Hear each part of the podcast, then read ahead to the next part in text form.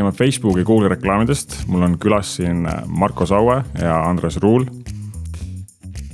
ja tere tulemast kuulama Nullist podcasti saadet number kuus. mina olen Sven Nuum ja täna me räägime siis põhjalikult kahest kanalist, Facebooki reklaamid ja Google reklaamid. mis kanal, millal, kellele võiks paremini sobida mis on Eestis siuksed võib-olla parimad praktikad, tegelikult tahaks kuulata natukene Eestist välja ka mis kanaleid millal eelistada. ja Marko on meil Goal sotsiaalmeedia turundusagentuurist ja Andres on agentuurist Holiini, kes on siis äh, Google reklaamide ekspert ja Marko, kaua sina Facebooki reklaame teinud oled? üle kümne aasta. minul saab äh, napilt viis varsti. paras paras siis meil on siin äh, kolme peale kakskümmend aastat kogemust panen oma viis ka sinna juurde. aga ühe paari sõnaga võib-olla, Marko, mis, äh, mis sul täna toimub agentuuris? no lühike sissejuhatus on see, et, et äh, kümme aastat äh, olen ma sotsiaalmeediaturundusega tegelenud ja see valdkond on selle aja jooksul arenenud sellest, et koguti fänne selleni, et see on täiesti tavaline, normaalne kanal, kus, kus turundust teha, et äh, ei saa enam öelda selle kohta, et see on mingisugune väga eriline kanal, see on äh, igapäeva, igapäevatöö turundajatel, et äh, nii, nii ta on. et fänne enam ei kogu, nüüd kogume? fänne enam ei kogu, et täidame eesmärke, et äh, väga palju erinevaid tüüpi kampaaniaid, väga hästi mõõdetav, väga hästi sihitav, et äh, selles mõttes äh, ma olen täiesti Facebooki ja Facebooki turunduse fänn, et äh, sellepärast ma Google'ist äh, teangi vähem kui, kui Andres, et äh, ma usun Facebooki reklaamidesse. väga hea, siis sa oled õiges kohas Andres, mis sa täna toimetad, mis sa teed? no mina olen spetsialiseerunud äh, Google Adsile ainult ja, ja juhin siis meie Google Ads nii-öelda osakonda või tiimi. ja, ja tegelen siis ka nii-öelda strateegiatega ja, ja suuremate kriitilisemate klientidega, et, et siis tuua neile kasvu, mis nad loodavad, et meie oleme ikkagi põhiliselt tulemuste no põhine agentuur, performance agency, et, et me nagu brändi osas aitame noh, vähe, me oskame selles kanalis toetada, on ju, mhm. aga selles osas me loodame ikkagi kliendilt nagu sisendit, on ju, et, et meie. aga agentuuris te vist teete Facebooki reklaame ka, eks ole? jah, me nüüd selles mõttes äh, laiendasime Facebooki poole ka, on ju, aga seal samamoodi just äh, tulemuspõhist on ju reklaami, et, et me nagu sisuloomet ei tee ja, ja, ja sellist nagu suurt branding kampaaniaid on ju, et ikkagi müük ja, ja käive. ühesõnaga konkreetselt tulemustele orienteeritud näed, väga hea. ja mulle meeldis väga, Marko, mis sa ütlesid, et äh, enam seda laike ei, laike ei kogu ja kummituslinnasid ei ehita, vaid konkreetselt tulemustele orienteeritud kampaaniad, selged eesmärgid, eks ole.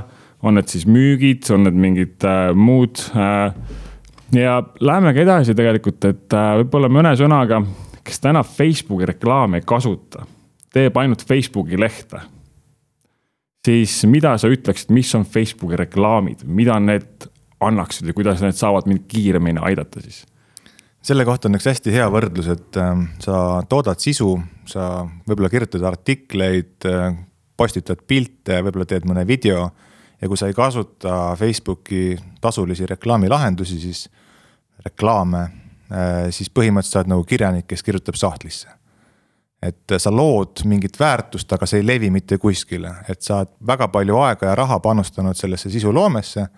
aga sellest äriliselt väga suurt kasu ei ole, et, et sellepärast peaks olemagi balanss selle sisuloome ja siis selle meediaraha vahel, et saada tulemust. jah, põhimõtteliselt läheb ju siis ainult sinu nii-öelda sinna seinale, nii palju, kui sul neid, nii vähe, kui palju sul neid fänne on, eks ole keegi suhteliselt väljapoole ei näe sealt.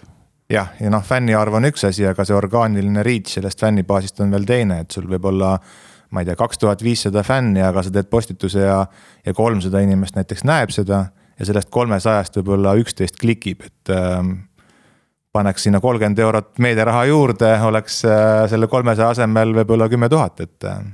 jaa. Google'i reklaamid. mis Google'i reklaamid endast kujutavad? Andres? no ütleme, et enamasti, kui öeldakse nagu Google reklaamid, siis inimesed nagu loovad seoseid, on ju, see on need otsingureklaamid, need on need neli esimest, on ju, midagi kirjutada sisse, siis näete neid reklaame, et äh,.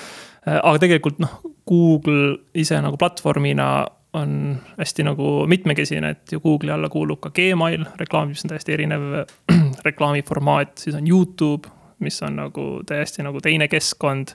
ja siis on nagu display network, kus siis noh, ka Postimees ja Delfi ja kõik sellised tegelikult keskkonnad on seal all. et, et tal, seal on nagu hästi palju erinevaid aspekte, on ju, et see otsing on ainult üks, aga tegelikult jah, seal on, ütleme, sihukest neli sihukest suurt sammast on nii Gmail, Youtube ja, ja display ka podcast on eriti hea sellepärast, et sa alati saad ennast targemate inimestega kohtuda ja kuuled, sest alles eile ma ütlesin Teedule, sest mul needsamad Gmaili reklaamid jäävad pidevalt silma ja noh, ikka vaatad aeg-ajalt mingid asjad, mingid pakkumised lähevad korda. siis ma ütlesin, kuule, uuri meie, meie agentuuri käest ka, et, et mis nad endast kujutavad, palju maksavad, mis sealt nagu need ootused võiksid olla. ja teine asi, Youtube'i reklaamid ka, et millegipärast ma nendest Youtube'i reklaamidest ka järjest rohkem kuulen või kuidagi hakkab, satub mulle ette neid, et paneme mõtlema küll räägime nendest pärastpoole veel. ja Google'i reklaamid mul ka, ma olen ise neid natukene pusinud, katsetanud, suhteliselt raske platvorm natuke tundus alustamiseks. nüüd ta on vist lihtsamaks läinud tegelikult kasutamise korral. natukene. ja kindlasti, et ütleme, need uuendused, mis on tehtud, on ju, et äh, ütleme, et kogu see maailm noh, nii-öelda Google proovib lihtsustada, on ju, et, et ta enne oli, ütleme, et noh, suhteliselt keeruline. Äh, täna läheb lihtsamaks, aga, aga võib-olla jah, keeruliseks teebki seda, et, et kuna seal on nii palju erinevaid platvormi ühes asja sees, on ju. siis, siis seal on noh, nad töötavad erinevalt, on ju, kui sa lähed sama strateegiaga Youtube'i mm -hmm. ja Gmaili ja Display'sse ja Search'i äh, otsingusse, siis, siis tegelikult äh, noh, on ka lihtne saada selles mõttes äh, tappa, on ju, et, et vaata, raha on läinud, aga, aga midagi ei ole saadud, et et mingil määral lihtsamaks, aga lihtsalt tuleb teada, on ju, neid erinevusi seal Google... kuulajale võiks võib-olla selgituseks öelda, et, et see Google'i display reklaam põhimõtteliselt on oma olemuslikult praktiliselt sama nagu Facebooki reklaam. et mõlemad on sellised, et inimesele, kes kasutab mingit keskkonda, loeb mingit sisu, näidatakse visuaalselt mingisugust äh, bännerit nii-öelda, ta klikib sellele ja, ja, ja vaatab sealt edasi, et aga see. AdWords või see otsingureklaam on just see, mis on nagu minu meelest nagu oluliselt nagu tulemuslikum, sest inimesel on huvi juba konkreetse asja vastu olemas ja on mul õigus, et, et nende otsingureklaamide võib-olla conversion rate'id on oluliselt suuremad kui display omadel.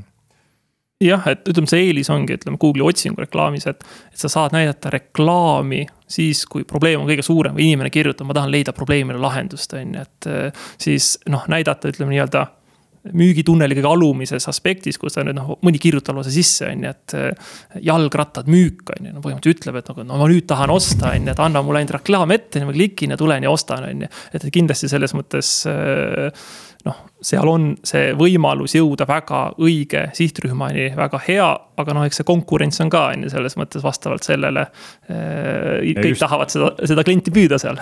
ja väga hästi tõid välja just selle õige inimese, kes praegu juba otsib, on turul, tahab osta, kellele ta nüüd raha annab, eks ole, ja siis äh, sul on võimalus Google'i reklaamiga, sest otsingu tulemustega, seo-ga jõuda, siis see võib võtta tükk aega tööd, eks ole, ja, ja ei pruugigi sinna esimesele lehele jõuda. põhimõtteliselt, kui ma panen Google'i reklaami siis äh, peale oma ettevõtte siis kas äh, märksõnale näiteks, mida ma müün, siis on see jalgratas, eks ole, jalgrattapood, äh, siis ma saan siis tõusta sinna kõige üles põhimõtteliselt on ju jah, et no põhimõtteliselt Google ongi jätnud need neli esimest kohta reklaamidele on ju, et sa saadki mm -hmm. olla selles mõttes kõige esimene, kes põhimõtteliselt. vahest ma näen all ka, ei ole või? All on ka, on ju, et selles mõttes on alla ka võimalik jõuda, aga ütleme, et eh, noh, see kõige magusam on seal üleval, sest noh, eks siis alla jõuda, siis sa pead veel need kümme orgaanilist ka üle käima, on ju, kui sa siis ka vastust ei leia, on ju, siis sa näed seal veel paari reklaami, on ju, et noh. et sealt ka vahest tuleb külas, külastajaid, et selles mõttes ei saa öelda, et need ei tööta, aga ma pean lisada siia, et äh, meil Booster Shelfi puhul Google'i, Google Paid, Google AdWords toob siis tegelikult väga hästi tagasi just see, mis me sinna sisse paneme. Ja vastu saame sealt, sest inimesed juba otsivad, on ju, ja siis seo saab ainult siis veel toetada ka seda omakorda selle juures. Äh, ja Google AdWords või Google Ads siis uue nimega kindlasti hästi siis vajadusepõhine, eks ole, võiks olemas olla oma nende märksõnadega seal kõige esimeseks. Facebooki puhul, mis mulle meeldib äh, kindlasti see, et, et inimesed avastavad seal asju, nad võib-olla ei ole kohe siis nii-öelda krediitkaart näpu vahel ostmas, eks ole. Aga nad avastavad midagi huvitavat, midagi kasulikku, midagi väärtuslikku. ja siis see inimene leiab end sealt äh, kodulehelt, äh, paneb ennast kirja kuskile äh,. ei, ostab siis e-poest, eks ole nojah, see ongi see, et, et, et sel hetkel, kui sa inimesele näitad Facebookis reklaami, siis ta ei ole parasjagu sellel lainel, et ma tahan osta jalgratast ta vaatab mingeid muid asju ja sa oled kuidagipidi profileerinud teda, sihtinud teda. et tõenäoliselt selline grupp inimesi võiks olla sellest rattast huvitatud ja kui ta seda näeb ja talle päriselt rattad meeldivad, siis ta klikib selle peale. ja sealt algab pihta siis see kogu see teekond või nii-öelda see, see funnel või, või, või see nagu kasutaja teekond, et ta saab esimese reklaamiga pihta, saad selle traffic'u, selle kliki kätte paned talle siis küpsise taskusse Facebooki piksliga ja saad talle remarketing reklaame näidata ja temaga nii-öelda pikemas äh, suhtes olla, mille jooksul siis veenad teda lõpuks sinu käest ostma. just, see ärateenindus pärast sinna siis äh, piksli abil äh, räägime korra Google, Google'i reklaamide suunamisvõimalustest, et sa, Andres, juba natukene tekitasid siin huvi. et äh, mis on võib-olla, kui ma nüüd hakkan seal Google'is reklaami tegema mis on siis esimesed sellised märksõnad või esimesed suunamised, millele ma peaksin kõigepealt mõtlema ja mis võib-olla siis oleks juba pärast natuke siuksed rohkem võib-olla advanced äh, võimalused seal? ütleme, et eks neid lähenemisi on erinevaid, on ju, oleneb nagu, mis ettevõte sa oled. no ütleme, kui me räägime e-poest, on ju, siis noh, e-poel, kellel on palju tooteid, on ju, võib-olla noh mõistlik äh, alustada dünaamilistest otsingureklaamidest, kui sa tegelikult ei panegi märksõnu sisse ja lased Google'il nii-öelda su lehed nii-öelda läbi käia, noh nagu ta täna on ju, guugeldad midagi, tulevad tulemused ette, on ju. ta indekseerib ära, on ju, ta saab sisust aru suhteliselt hästi. et, et võib-olla kõige lihtsam on alustada sellest, et sa paned nagu, no lased Google'i selle töö ära teha äh,. hakkad juba saama liiklust ja sealt tegelikult alt sa juba näed, mis on need äh, otsinguterminid, on ju, mis toovad seda liiklust, on ju, kas mõni toob sulle müüki ka või mitte, on ju. ja sealt siis nõnda, ütleme, et laiendada vastavalt sellele, mis sulle nagu töötab, see on nagu üks võimalus, on ju, et, et sihukene noh. aga ma ei pea siis ükshaaval tegema igale tootelehele reklaami, ma saan. no ütleme, et noh, oleneb selle mastaabist on ju, kui sa oled nagu e-poodi on ju, sul on seal sada tuhat toodet on ju, siis on nagu suhteliselt keeruline Eh, ehitada eh, reklaamikampaaniaid, kus sul mm. on eh, mitu tuhat reklaamirühma ja igale ühele on kaks-kolm reklaami tehtud, on ju, on võimalik, noh, meil suurematel e-poodidel ongi võib-olla sihukene neli tuhat reklaamirühma, kaheksa tuhat reklaami eri, eraldi, aga noh, see on selles mõttes mm. nagu tehtud ikkagi Excelite ja süsteemidega, on ju, et seda nagu luua. Andres, kui me räägime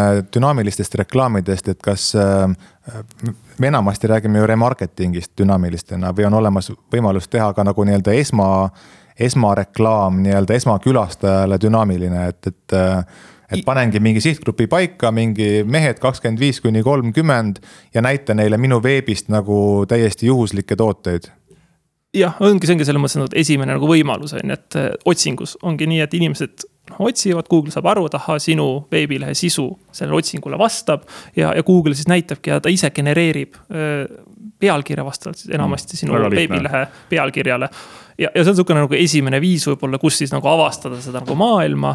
Äh, ja, ja noh, sealt edasi siis noh, muidugi tegelikult tulekski kaardistada on ju sinu jaoks kõige väärtuslikumad märksõnad. Äh, et no kui sa, mis iganes, mida sa müüd, on ju mm., siis, siis sa paned need kõik kirja ja sa sihid neid, on ju, et sa. kui keegi otsib selle märksõnaga, siis ta näeb minu reklaami. ja, ja, ja, ja just proovida võib-olla alguses just neid, mis on kõige müügitunneli kõige allpool, on ju, seal on kõige suurem nii-öelda võimalus ostuks mm.. et Äh, ja eks sa siis niimoodi ehitad peale, neid lähed järjest nagu laiemaks nende märksõnadega, on ju, lisad siin nagu laiemaid märksõnu, on ju, aga no siis sa tead, et siis sul peab olema juba nagu müügitunnel nagu parem remarketing ja.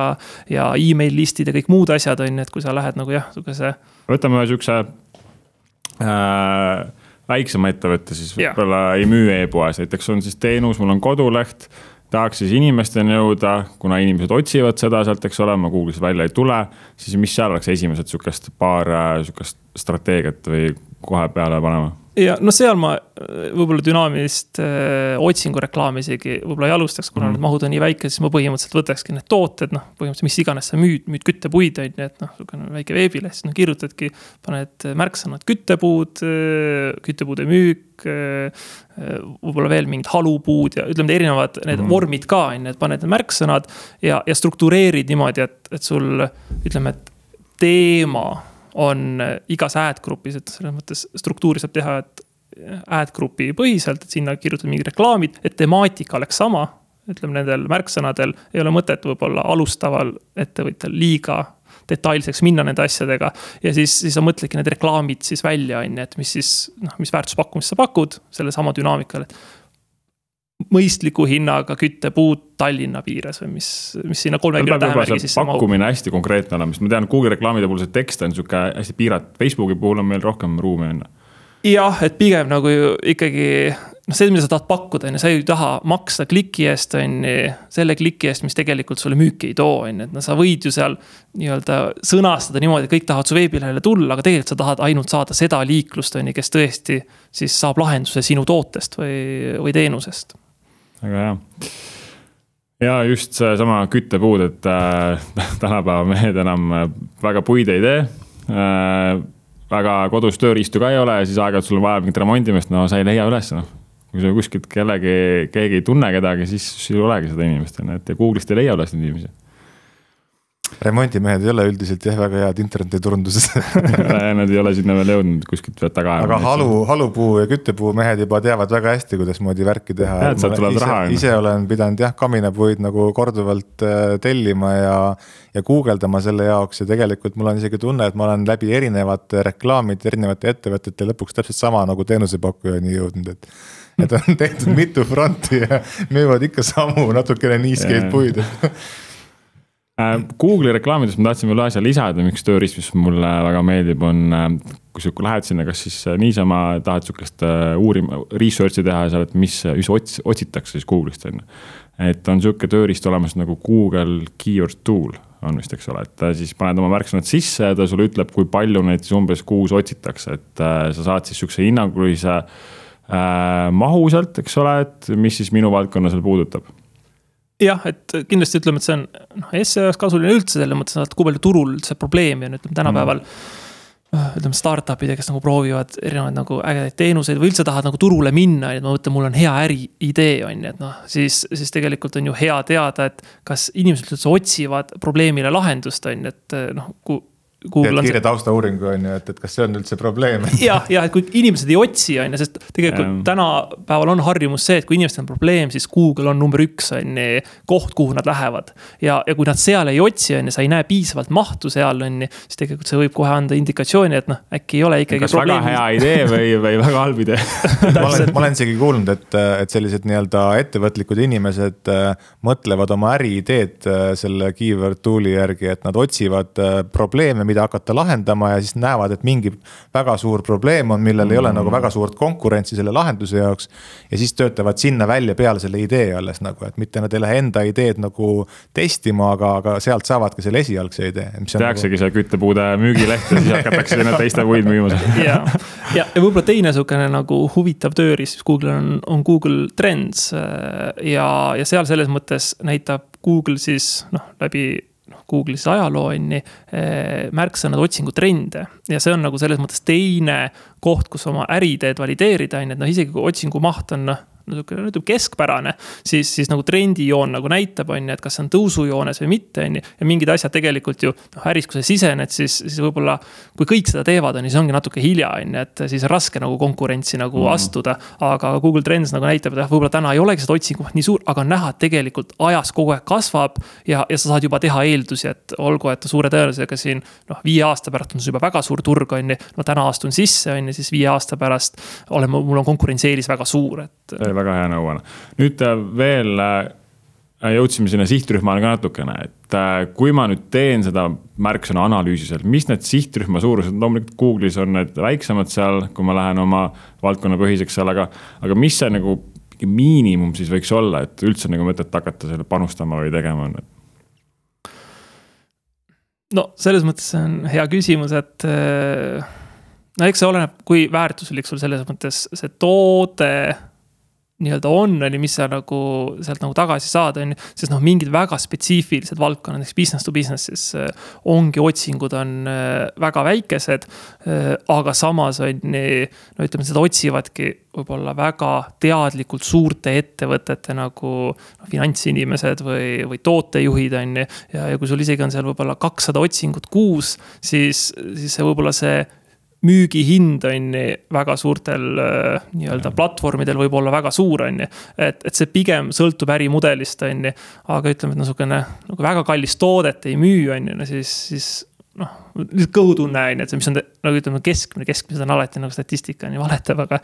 aga, aga noh, võiks olla sihukene ikkagi, ma arvan noh, Eesti turul viis-kuussada otsingut on ju, et aga noh, maailmaturgudel on muidugi kindlasti väga palju suuremad, on ju, mm. et turukoht, et noh, võib-olla siis tasub hakata jändama üldse sellega, on ju. ja kui on otsingumahud alla kolmekümne, siis tegelikult Google tavaliselt reklaami ei näitagi selliste märksõnade peale, et. Marko, sul juba näpud sügelevad siin.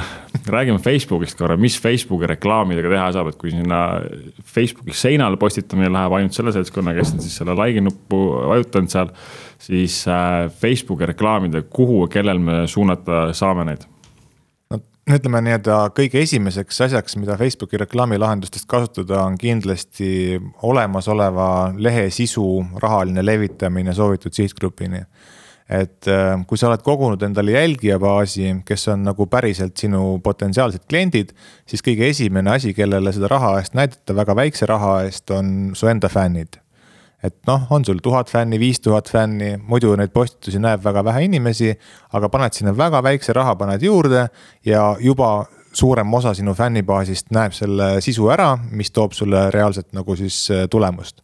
pikendad põhimõtteliselt selle ühe, selle postituse eluga, kus sa juba oma aega, raha investeerisid. täpselt nii ja noh, sealt lähevad nagu samm-sammult edasi, et, et on võimalik siis äh, fännidele ja nende sõpradele näidata. või mis on tegelikult veel kõige õigem, on see, et sa iga postitust mitte selle postituse enda juures selle boost nupuga ei, ei levita, vaid lähed ad manager'i ja valid sealt ikkagi täpselt oma selle õige sihtgrupi, et kas see on siis siis nagu asukohapõhiselt õige, demograafiliselt õige, huvide poolest õige. ja kasutad seda nii-öelda oma vähest meediaraha võimalikult efektiivselt, et ei ole mõtet näidata auditoorium terve Eesti, kui sul on äh, üldse, ma ei tea, kakssada eurot kuus kasutada, et siis oleks see kakssada eurot kuus mõistlik panna võib-olla kümnele tuhandele või kahekümnele tuhandele inimesele, kes on väga-väga täpselt sinu potentsiaalne sihtgrupp. peaks teadma esiteks, äh, noh nagu Andres tõi ka välja, et mis see eesmärk üldse sul on, mis me otsime, lähme sealt esimene sealt alustama väga mulle meeldis see, et kindlasti üks äh, suurimaid äh, vigasid või kaks suurimat viga, viga, mida sa välja tõid, mis täna tehakse alustades. on see, et äh, mees-naine mõlemad jäetakse peale, kaheksateist kuni kuuskümmend viis, noh, Eesti on õnneks meil väike, et sa ei saagi siin väga üle paari tuhande euro lõppkokkuvõttes ära kulutada, aga mida täpsemini sa kasutad, seda loomulikult paremad tulemused on, on ju. teine asi, see boost post nupp, et äh, sellega nendest tulemustest ei jää väga selget ülevaadet ja need võimalused on üldse väga-väga-väga piiratud seal sest seesama nagu see näita oma fännidele, enda sõpradele, see võibki tähendada, et nende sõbrad ongi siis kuusteist kuni kuuskümmend viis ja mehed ja naised, et äh, et äh, mida paremini sa tead oma sihtgruppi, seda tulemuslikum on ka kogususe turundus, et. mis eelarvega alustaksid äh, Facebookis, kui sa oled, ütleme selle fännibaasid ära näidanud, siis ja nüüd suunan siis uutele inimestele. ehk kes ei ole siis fännid, et leida siis äh, neid uusi potentsiaalseid kliente, et mis eelarvega äh, teie tavaliselt agentuuris alustate või soovitad alustada vaata, alustan äh, alati sellest, et, äh, et vaatan konkreetset ettevõtet, äh, mis on selle ettevõtte toode, kes on selle ettevõtte sihtgrupp, kui palju seda sihtgruppi on näiteks sellel konkreetsel turul, kus nad tahavad tegutseda Eestis. Mis on see nii-öelda sotsiaalmeedia turundusstrateegia, et mis nad tahavad, et sihtgrupp teeks, kas nad lähevad veebi ja teevad veebist ostu või. või nad tahavad saada liide, nad tahavad saada füüsilise restorani külastusi, et mis see eesmärk on, vastavalt sellele tuleb ka siis see reklaamilahendus nagu öö, paika panna panna ja, ja eelarve, millest alustada tegelikult äh, testimise mõttes, kui sa oled enda jaoks asjad väga hästi läbi mõelnud, on äh, noh ma ei tea, kümme eurot, viiskümmend eurot, sada eurot, et seal ei ole küsimust, kui, kui palju seda kasutada. kui sa näed ära, et see asi hakkab tööle, siis sa ise tahad seda lihtsalt suurendada, et. et ei ole sellist nii-öelda mõistlikku äh, algussummat, et noh, et ära allapoole nagu viitesadat eurot nagu üldse kuus nagu meediaraha mõtlegi, et, et paljud ettevõtted on sellised, kes panevad viis eurot siia, kümme eurot sinna. Äh, kohati, kui see strateegia on läbi mõtlemata, siis on see viis eurot ja kümme eurot ka laus raiskamine ja raha põletamine, sellepärast et nad tegelikult ei tea tea, mis selle tulemusena saab. Mm -hmm.. okei okay,, me saime mõned äh, like'id juurde või me saime natukene reach'i juurde, aga, aga mis sellest kõigest nagu kasu on, et kas see inimene tegi selle soovitud tegevuse ära, kas mhm. mulle kontole nagu sellest raha laekus või mitte, et äh, see on küsimus ja korra küsiks sulle, et kuna sa oled turundusmaailmas hästi-hästi sees kogu aeg, väga paljude erinevate valdkondadega teed tööd. siis mis on enamasti need siuksed, mida tullakse siis küsima, et mis on need eesmärgid, mida ettevõte tuleb, et me tahame Facebooki reklaame teha ja vot me tahaks nüüd eesmärgid on siuksed või ootused seal vaat äh, on hästi palju erinevaid ettevõtteid, mõnel on väga selgelt läbi mõeldud, mida nad tahavad saada, et äh, keegi autofirma tahab saada, et inimesed tuleks proovisõidule, et kui mm. inimene on proovisõidule jõudnud, siis on müügimehe töö ta nagu ära nii-öelda kliendiks mm. rääkida, põhjendada, argumenteerida.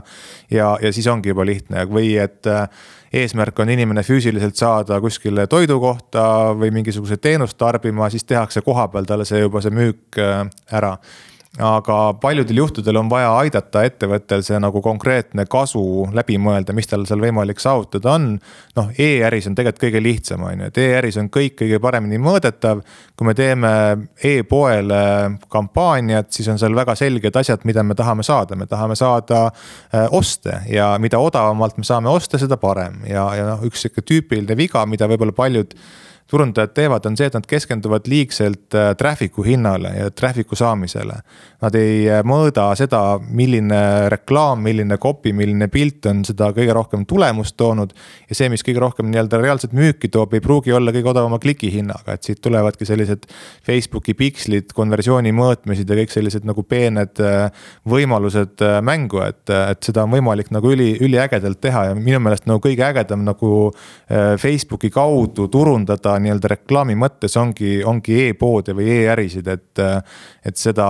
seal sa näed kohe ära ka palju sa sisse absoluutselt, täpselt ja, ja, ja et, et kui on nagu äge kampaania, siis noh, meil on nagu case'e, kus me oleme saanud äh, kümnekordselt raha tagasi, et et see on muidugi harukordne, see oli konkreetselt üks nagu sihuke äge nagu remarketing kampaania, et, et mm. näitasime reklaami ainult neile, kes on kunagi varem juba ostnud mm.. ja nemad on need, kes kõige suurema tõenäosusega ostavad äh, jälle. ühesõnaga kliendid, kes on juba varem ostnud, nende usaldus on juba võidetud, eks.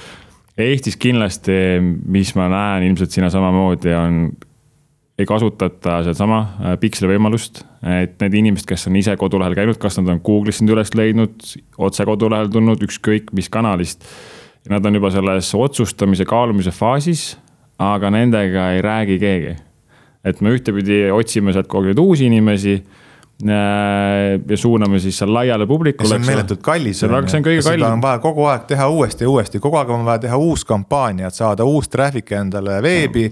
ja, ja sa teed ainult seda uut ja uut ja need, kes su veebis käinud on, sa ei saa neid uuesti mitu, mitu selle massimeediaga, sellega kätte ja mitu protsenti ostab esimesel korral, täpselt õige et äh, see sõltub hästi valdkonnast, et noh, mitut nagu seda kontakti mm -hmm. selleks nagu esimeseks nagu ostuks vaja on, et on äh, väga palju tegelikult ka selliseid emotsioonioste, väga lihtsaid odavaid tooteid äh,. kui sul on landing page tehtud nii-öelda piigistamislehe või squeeze page'ina, et sul on kõik vajalikud argumendid, igasugused mm -hmm. defitsiidid, ajalised mõõted, sooduspakkumist, kõik asjad peal nagu. nii hea, et valus hakkab, ei saa ära minna täpselt, üsna suur tõenäosus, et ta ostab nagu esimesel korral ära, aga see on pigem nagu harukordne yeah. ja see, et sa jätad sellesama kontakti, kes juba tutvus sinuga unarusse ja sa ei kutsu teda uuesti tagasi lisaargumentidega, allahindlusega, veel mingite asjadega, et see on äh, väga suur raiskamine, turunduseelarve raiskamine, et see remarketing on nii odav tegelikult, kui ta seda käima panna et.... ma ütlen selle kohta seda, et need kõige madalam rippuvad viljad nii-öelda, mis on äh, esimesena kohe ära noppida nii-öelda, et kusjuures. sul on e-pood, on ju, sul on äh, ostukorv kas sa oled vaadanud seda, et, et äh, kui palju äh, näiteks sul on kuus keskmiselt oste, aga kui palju sul on kuus keskmiselt ostukorvi hüljanuid äh,? seal on kaks vist, et see äh, üks on ostukorv ja siis on kassa, et kassast vist kolmkümmend protsenti inimestest kukub ära, et noh, selles viimases etapis. okei okay,, aga see, kes on asja ostukorvi pannud, aga ei ole sealt nagu edasi läinud, palju. seal on isegi suurem, seal on vist seitsekümmend protsenti inimestest ja see on täitsa sihukest keskmine statistika, eks ole. ja no ja. meil oli, meil oli konkreetselt üks parfümeeria äh, e-pood noh, tegi sihukene keskmiselt sihukene kuus, võib-olla sihukene kakssada ostu äkki või, noh mm -hmm. alustasime alles sellega ja. ja ostukorvis oli äh, viis tuhat inimest. et need, kes on selle nagu klik kliksi teinud nagu, et äh, lisan ostukorvi viis mm -hmm. tuhat ja, ja need viis tuhat inimest on sellised, kes on nagu millimeetri kaugusel tegelikult sellest ostust. ja kutsud mm -hmm. need viis tuhat inimest tagasi ja, ja, ja sa saad äh, oma müüki mitmekordistada. sul polegi vaja ju isegi allahindlust teha, lihtsalt meeldetuletus. piisab sellest. sul jäi pooleli, kuule, äkki teeme lõpuni. Teedul on äh, väga hea võrdlus just sellega, et e-äri ja siis nii-öelda tavaline äri, kui Selverisse lähed, võtad korvi kätte, eks ole. paned oma piimad, saiad, mis iganes ostad, sealt paned sisse. sind ei lasta välja, vaata, kui sa ära ei maksa keegi helistab vahele, räägid ära, midagi juhtus, maksad ära, et noh, üheksakümmend üheksa protsenti sajast inimesest maksab ära, võib-olla üks jätab ostukorvi poole e, e-poes on täpselt vastupidi see on ju. et üheksakümmend üheksa läheb minema käed taskus ja, ja sina ootad seal käed taskus, põhimõtteliselt lähed siis uusi inimesi tänavalt kutsuma oma poodi uuesti, et äh, karjuma sinna. ja tõsi ta on, et äh, väga hea, et äh, ponditad välja, et see esimese otsa just selle uue kliendi saamine. see on muidugi tegevus, mida me peame kogu aeg siis tegema, kas me teeme seda Google'is, kas me teeme seda Facebook'is, neid uusi potentsiaalseid kogu aeg otsima. ja meil on kuskil Booster Selfist rääkides konkreetselt e-poest, siis on jaotatud niimoodi kuskil viiskümmend protsenti, kuuskümmend protsenti eelarvest on kogu aeg suunatud endale inimestele siis ja siis on äh, kuskil kolmkümmend, nelikümmend protsenti on siis äh, retargeting ja kümme protsenti on veel siis klientidele ka, et kas siis mingid uued tooted tulevad, mingid pakkumised üks-kaks korda kuus seal. et noh, kuna sa saad seal juba väga täpselt siis minna äh,. Andres, räägime korra mõned siuksed praktilised näited võib-olla siit Eestist ja võib-olla mõni ka sihuke ekspordinäide, sest eks me igaüks on siin ambitsioonikalt tahame Eestist äh, välja ka minna, et äh, mõned siuksed head case study'd võib-olla, et kus te olete võtnud selle Google Adsi kasutusele. pannud seal siis need eesmärgid, asjad paika ja see on toonud siis äh, väga hea tulemuse mm. -hmm. no võib-olla üks hea näide on nii USA e-pood, kes meil klient on, on Bullimax, kes siis müüb nii-öelda koeratoitu no,, põhimõtteliselt siukesed Äh, performance dog food ehk siis nagu niisugune bulldogidele ja nendele nii lihasmass. Biohacking koerad. ja, ja, ja täpselt on ju, et noh, USA-s võid kõike müüa, on ju, et selles mõttes nii turg on lihtsalt nii suur ja, ja kõigile selles mõttes segmentidele on, on ostja olemas. aga, aga no näiteks seal on ju, et ütleme mis võib-olla täna, tänases digiturunduses, mis ma nagu tunnen, kuhu suunas ta liigub, on see, et, et ta läheb mingil mõrra, mingil määral nagu tehnilisemaks. ma mõtlen seda siinjuures, et, et neid parameetreid ja asju on ju, mida sa pead jälgima, mida sa pead teadma, neid nuppe, mida keerata, on nagu suhteliselt palju. Google küll proovib seda lihtsustada, aga, aga seal on see probleem, et eh, noh, see on Google'i, noh minu meelest ka nagu Facebookis on ju, et, et lõpuks noh, nende eesmärk on nagu teenida kasumit, on ju. ja, ja ütleme, kui sa tehniliselt väga hästi, no ütleme, et ei seadista omal mõõdikuid, ütleme analüütikat sinna taha ära. näiteks, mis mõõdikud seal olema peaksid? no näiteks käive, müük on ju, et isegi see, mis nagu standardseadistuses on nagu eh, seadistatud, on ju, et noh, paljud e-poed nagu mm. ütlevad, oh, meil ju kõik nagu käive jookseb, on ju. siis, siis meie nagu ühtegi klienti täna ei võta, ilma et me teeksime eh, väga põhjalikku Google Analyticsi ja, ja tracking'u auditit ja seadistamist ja enamustel juhtudel tegelikult on ikkagi nad, eh, see katki on, isegi kui sul päris käibenumber on enam-vähem õige. siis kuidas nad selles mõttes jaotatud, kuidas sul on referral exclusion'id lisamata, ehk siis nagu põhimõtteliselt valede kanalite alla läheb käive, on ju. ja, ja siis sa selle pealt nagu proovid siis nii-öelda tulemuslikkust nagu tuua, on ju, kui sa tegelikult need numbrid, mis sa näed nii Google Ads'is on ju, või selles analüütikas tegelikult on aiateibad. ja, ja ma arvan, et noh, väga paljud nagu noh, edulood tulevad lihtsalt selle pealt, et, et sa suudad pakkuda seda tehnilist ekspertiisi, teha analüütika, kõik see korda ja, ja see on siis tegelikult kuld, mida sa saad täna masinõppele äh, edasi anda. et, et ma ütlen, et täna masinõpe on väga noh, tugev, noh Facebooki osas ekspert ei ole, on ju, aga näiteks Google Ads'is on ju, et ta töötab väga hästi äh, küsimus on see, et kui head infot sa suudad talle ette anda. kui hästi suudad selle tükeldada niimoodi, et, et kui sul ei ole näiteks müüke liiga palju, et sa lähed nagu äh, nii-öelda müügitunnelis üks samm üles, on ju, võtad siis, et kui palju see läks sinna ostukorvi, on ju, et noh, ütleme, et müügi jaoks võib-olla andmeid liiga vähe, et viia, tuua häid selles mõttes nii-öelda seoseid luua, on ju, algoritmi jaoks, aga siis sa näiteks lähed tunnelis ühe võrra edasi, on ju, annad talle siis kõik, kes lisasid ostukorvis, neil oli see nagu intent või see nagu tahe juba näidata olemas on ju, jätsid mingil põhjal nagu ostmata. noh, annad siis selle info on ju masinõppele ja, ja selliste nagu ütleme tehniliste seadistustega on ju tuua nagu reklaamikanalis, ütleme Google Ads'is on ju, kakskümmend, kolmkümmend protsenti kuluefektiivsust äh, nagu tavapärane. Äh, see Pullimax on ju, põhimõtteliselt me alustasime tööd siis kolme kuuga me langetasime nende reklaamieelarvet kaks korda ja nende tulemused kasvasid samal ajal. et äh, ja, noh, kõige selles mõttes nagu naljakam, isegi kurb on see, et, et neid haldas enne väga tuntud äh, USA reklaamiagentuur on ju, et keda me ise vaatasime. noh, võtsime eeskujuks on ju, et kuhu me tahame jõuda ja siis, siis sa ise lähed sinna on ju, et siis vaatad, noh, tegelikult tehniliselt, siis nemad. päris hea tunne oli vist. oli küll, on ju, et nad ise tehniliselt analüütika seadistamisega sellega ei tegele, on ju, ja ongi see, et noh, sa jätad selle nagu aspekti kõrvale, on ju. ja, ja juba on selles mõttes vahed nagu nii suured. kas see oli nüüd ka alustav ettevõte või juba siis turul olnud mingi? tema oli nagu turul juba olnud, on ju, et, et mis me tegime ka oli see, et äh, tegime, restruktureerisime, tegime analüütika korda, on ju, ja, ja noh, seal oli tegelikult ütleme noh, miks ta on nagu tehniliseks läinud, et on hästi palju, ütleme, parimaid praktikaid, mis jagatakse. Äh, tegelikult internet on äh, infot täis, et selles mõttes on nagu super hea. aga, aga väga paljud parimad praktikad noh toimivad niimoodi, et, et sul on väga palju detaile ja kõik peavad olema paigas, kui sa ühe asja seal parimas praktikas ära unustad või sa selles mõttes ei hooma tegelikult, kuidas see kogu süsteem toimib. siis, siis kogu see kaardimaja laguneb sul laiali, on ju. ja, ja neil oli noh, teine koht, kus me tõime suure võidu, oli, et nad olid noh, shopping kampaaniad Eestis kahjuks küll teha ei saa, on ju. aga USA-s noh, ütleme e-poed väga suured, reklaamieelarved lähevad shopping usse, on ju, et mm kas sul on mõni sihuke näide ka näiteks, et üks, ma ei tea, Eesti ettevõte tahtis saavutada eesmärki X ja kasutaski ainult võib-olla siis põhilisel turunduskanalil ainult Google reklaame?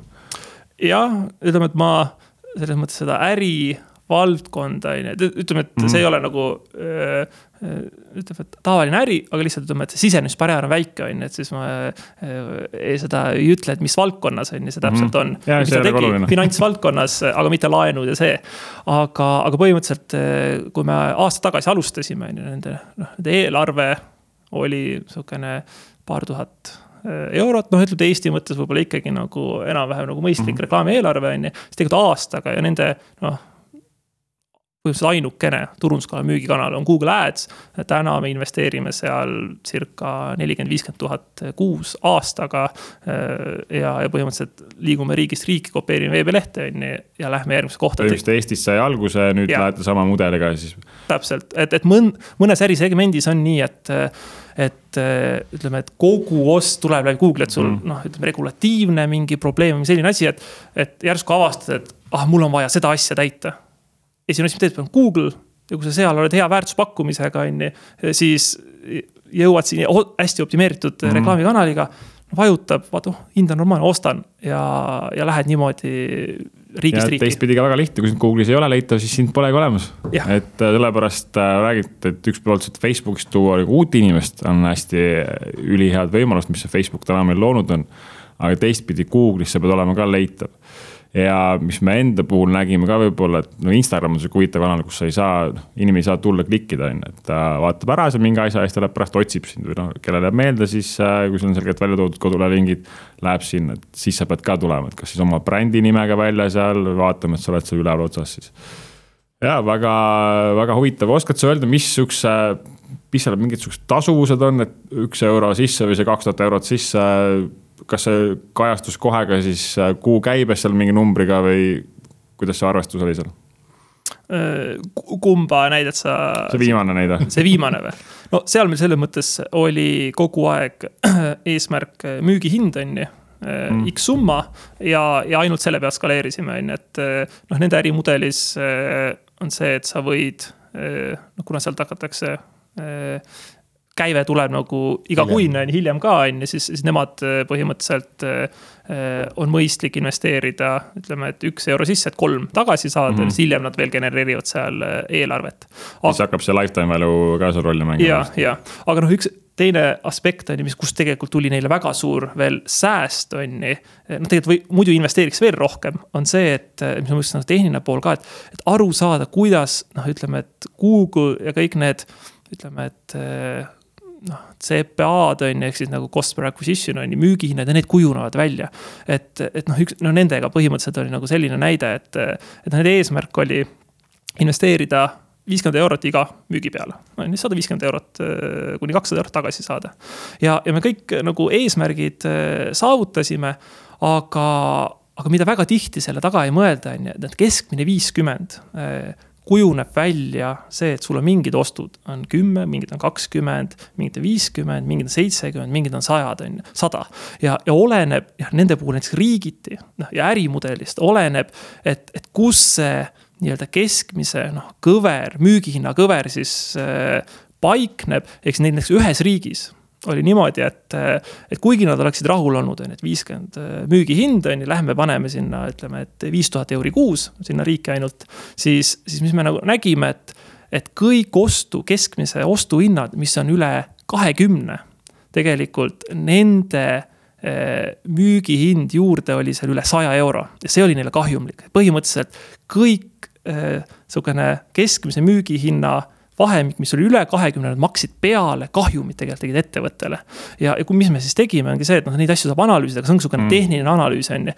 et, et põhimõtteliselt me langetasime müügihinna keskmiselt kahekümne peale, kuigi nad olid nõus viiskümmend maksma.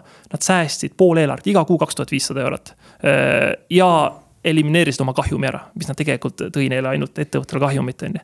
ja, ja selliseid tegelikult aspekte, on ju, on tegelikult see Google noh, maailm nagu täis, on ju, et noh, suure tõenäosusega Facebookis on ka, on ju, selles mõttes, et lõpuks sul kujuneb mingi müügihind, on ju.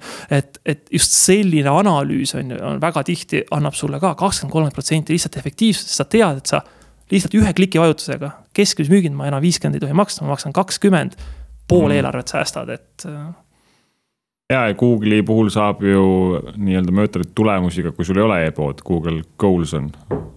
Goals'iga siis, eks ole. seadistada need, kui inimene jõuab, nüüd siis tuleb kodulehele, käib selle mingi teekonna läbi seal, jõuab siia. siis on justkui see nagu linnuke kirjas et ja. ei pea olema tingimata e-pood, on ju. jah, ei pea olema tingimata e-pood, on ju, et noh, erinevaid asju saad eesmärgiks mm -hmm. seada, on ju, kas keegi on emaili või, või midagi muud, ja, Marko, räägime mõned võib-olla sellised äh, kas sind siis tuleb uus klient või sa ise täna näed, mis ettevõtted teevad äh, Facebooki reklaamide puhul siis just, et äh, mis on sellised suurimad vead võib-olla või miks see Facebook ei tööta siis või, või ei too siis seda tulemust? no esimene viga on see, et ilmselt ei kasutata ära kõiki võimalusi, on ju, et, et seesama tüüpilisem asi on see, et piksel on veebi külge panemata ja sa ei saa üldse aru, mis sul toimub, kus sul tuleb äh, traffic, mis see traffic teeb su veebis äh,. sa ei saa seda inimest tagasi kutsuda uuesti veebi. aga, aga võib-olla on äh, üks nagu tüüpilisemaid vigasid tegelikult äh, selline väga nagu selge äh, strateegia puudumine, et inimesed lihtsalt ei, ei tea nagu miks ja mida nad tahavad selle nii-öelda kogu sisuturunduse ja reklaamiga saavutada. Ja tänu sellele nad ei saavutagi seda, nad ei julge, nad ei kasuta piisavalt äh, nagu korralikku meediaeelarvet, kui neil on need asjad läbi mõtlemata. ja jääbki potentsiaal kasutamata, et, et selliseid näiteid on väga palju ja, ja üsna tihti, kui, kui klient tuleb meie juurde, ütleb, et nad soovivad mingit kampaaniat teha. vaatame, esimene asi selle Google'il on, sellel Chrome'il on sihukene pisikene widget, mis ütleb ära, kas on veebilehel piksel küljes või mitte, mida see piksel track ib. Vaatame selle, esimene asi, okei okay,, teil on piksel panemata, teine asi, mis me alati küsime, on see, et, et äh, koostööd alustades me vaatame just selle Google Analyticsi läbi, et, et mis goal'id seal seadistatud on, kuidasmoodi nad mõõdavad. et kas nad saavad tegelikult äh, meie tegevuse tulemusest aru, et kui me mm. oleme saavutanud mingisuguse tulemuse, kas see jookseb neil analüütikas välja või mitte. et äh, väga lihtne on põhjendada korralikke töö ja meediaeelarveid, kui see toob kliendile kasu, aga kui sa kulutad mingisuguse summa ära ja ta ei näe tegelikult, kas ta sai sellest midagi kasu või mitte mm., siis äh, polegi sellest nagu midagi, et aga. sa rääkisid enne sellest, et, et on Google Analytics on kehvasti seadistatud ja me oleme seda nii palju näinud et äh, see analüütika, mis sa saad Facebooki poole pealt, ostude, ostukorvi, kõige selle kohta piksli põhjal ja see, mis nagu Google näitab äh, väga suur osa näiteks traffic ust läheb millegipärast, Facebooki traffic ust läheb referral'i alla, on ju. Mm. et äh, ja noh, nende asjade korda tegemine ongi nagu see, mis nagu tagab siis sellise nagu jätkusuutliku ja pikaajalise nagu. sul oleks see spidomeeter ja tahomeeter ees, kui kiiresti sõidad. no täpselt, on ju, et sa saad nagu aru, kuidasmoodi see asi, asi toimib kui palju äh, Facebooki reklaami puhul, et nagu proovime seda siis seda uut inimest äh, leida, kui palju seal mõjutab äh,, äh, mõjutab just see reklaami tekst ja see copy osa seal ja, ja ka see koduleht, et sa rääkisid enne väga hea näite tõid siin, et sihuke eraldi landing page on tehtud siis, kus on juba konkreetselt ainult sellel pakkumisel fokusseeritud. enamasti me täna Eestis ei näe seda, et oleks, oleks see samm siis tehtud seal, et kui, kui palju sa näed täna, kui palju see on aidanud kaasa või kui oluline see, kui oluliseks pead seda? No vaata, kui sa müüd nagu palju erinevaid asju ja sa teed palju erinevaid reklaame ja kõik need reklaamid viivad su kodulehekülje avalehele siis sa, sa naerad kohe selle peale, on ju, et nagu, aga nii tehakse ju. Yeah. aga ettevõtted nii teevad, et nad müüvad, äh, ma ei tea, kummikuid, kõrge kontsaga kingi ja sporditosse, on ju ja kõik need viivad avalehele, kus need on kõik nagu sebi, segi läbi koos. või siis nad viivad mingisse konkreetsesse tootevaatesse lihtsalt, kus on nagu lisaostukorvi. aga sa ei saa seda muud infot sinna juurde, on ju, et sellepärast on nagu sellised nagu landing page'id. noh, seda nimetatakse ka nagu vertikaalideks, et sa nagu mingisuguse konkreetse probleemi lahendamiseks lood äh, äh, visuaali ja teksti, mis hästi kõnetab seda inimest, kellel see probleem on. vihma hakkas sadama, sul on jalad märjad, on ju. noh, mul on sulle lahendus, kollased kummikud on ju, vaata siia et sa nagu mingit konkreetset sihtgruppi kõnetad äh, konkreetse bänneriga. viita sinna landing page'ile, kus sa räägid talle konkreetselt sellest kehvast ilmast ja kui head ja soojad su jalad pärast on, on ju. ja siis ta nagu on palju suurema tõenäosusega sul seda toodet ära ostev ja ta ei hakka nagu ringi otsima kuskilt, äh, kuskilt mujalt, kui see, et sa teeksid üldise äh, parim kingapood veebis, on ju kvaliteetsed tooted Kvali. kvaliteetsed tooted, on ju, et see, see nii-öelda ja selles mõttes nagu noh, nii paljud nagu sellised äh, turundajad, gurud maailmas räägivad sellest, et, et mine hästi kitsa niši peale. tee igale nišile nagu oma selline terve see nii-öelda ahel läbi ja siis, kui see üks asi on valmis ja töötab, siis mine järgmise juurde, siis mine järgmise juurde, võta alguses see kõige äh, potentsiaalselt nagu tulusam või, või kõige suurema tõenäosusega ostev sihtgrupp. ja siis, kui sul see asi on juba hakanud selle raha sisse tooma, siis on sul turunduseelarve teha ka neid järgmisi. et kui sa alguses kohe üritad nagu kõike korraga teha, äh, sa ei saavuta seda, seda nii-öelda efektiivsust või kasumlikkust seal on ju. ja noh, ütleme tegelikult on see, et, et üks põhi, põhimure, millega ettevõtted näiteks, kes alustavad on see, et nad peaks tegema tegelikult Google AdWordsi. Nad peaks tegelema oma seo-ga, nad peaks blogi kirjutama, nad peaks äh, tegema Facebookis sisu, Instagramis sisu, äh, kõik reklaamilahendusi kasutama ja nii edasi. aga kui sa neid kõiki asju alustaksid korraga ja nagu, nagu selles mõttes nagu, nagu korraliku mahuga ka, et sellest nagu mingi kasu oleks, siis see eelarve on lihtsalt nagu liiga suur sellise ettevõtte sellise hetke jaoks on ju, et, et hästi oluline on aru saada, millest peaks alustama. ja minu meelest nagu näiteks Google AdWords on võib-olla selline kõige lihtsam asi kodukorda, et sul on veeb olemas sul on veebis kõik asjad ilusti, siis esimene asi, kuidas saada kõige nagu lihtsamalt kliente, on neid kliente saada, kes vajavad konkreetselt seda asja, mis sul on. Ja siis, kui see asi on korras, siis lähed nende klientide juurde, kes hetkel veel ei tea, et nad su neid kollaseid kummikuid vajavad. Ja ma pean korra veel kordama siin, sa tõid nii häid pointe välja, alustades Andresest ka tegelikult, esimene asi Google'ile ütleks korda. Ilmselt saab seal abi paluda kellegi käest ja leida endale see inimene, meil on olemas Eestis sihuke grupp nagu internetiturunduse ja kaubanduse grupp, seal on väga palju head nõuannet. Äh, sama asja olen ise kõik läbi teinud, ei olnud need goal'id seal seadistatud, ei osanud vaadata, ei osanud seal siis ära filtreerida neid, kust see traffic siis tuleb, eks ole, et kõik siuksed asjad. on ka alustades, sa ei oska enda tähelepanu pöörata, et äh, siis mingi aja jooksul need tulevad ja kui keegi sulle siis räägib ja õpetab neid asju, eks ole, mis meil täna siin eesmärk istuda ongi.